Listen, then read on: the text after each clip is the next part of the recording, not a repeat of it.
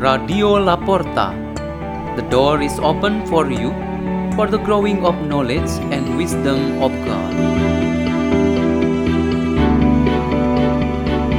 Delivered by Father Peter Tukan SDB from Salesian Community Gerak in Labuan Bajo, Diocese of Ruteng, Indonesia.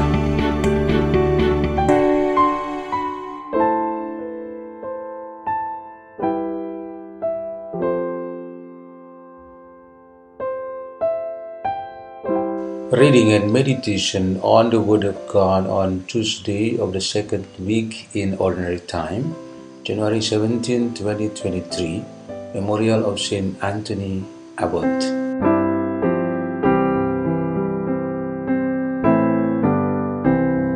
A reading from the Holy Gospel according to Mark chapter 2, verses 23 to 28. As Jesus was passing through a field of grain on the Sabbath, his disciples began to make a path while picking the heads of grain. At this, the Pharisees said to him, Look, why are they doing what is unlawful on the Sabbath? He said to them, Have you never read what David did when he was in need and he and his companions were hungry? How he went into the house of God when Abiathar was high priest and ate the bread of offering that only the priest could lawfully eat, and share it with his companions? Then he said to them, The Sabbath was made for man, not man for the Sabbath. That is why the Son of Man is Lord even of the Sabbath. The Gospel of the Lord.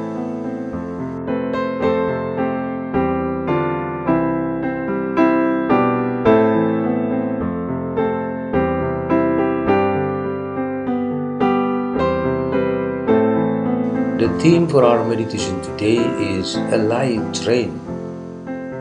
There was a child of four playing with his toy. He drove a long train down a long and winding road on a mat spread across the floor. Then he loudly called all the family members and guests present to get ready and to enter the train. Everyone was made as if they were waiting ready when, as soon as the train stopped, they immediately got in. No one should be late. If you miss the train, you will be at your own risk, said the child. For adults, what a four year child doing was simply an imaginary, a play. Enjoying some fantasy moments is the same as sharing a situation of lie. But the child wanted his play to be accepted as truth. The play itself is a delusion or a lie, but people's feelings and minds were led to accept it as a truth. The boy's train was simply a toy that reminds us of how educated and religious adults often play with sort of lying trains in different contexts. They really enjoy the game with all their abilities to aim at either personal or group intentions which are not oriented towards the common good. They lie not only once but repeatedly and becoming massive. If a real train brings about 500 to 1000 people when it is full, a lie train played through the methods of teaching, educating, and disseminating information always prove to us that there is a greater number of people are brought by its deceiving style.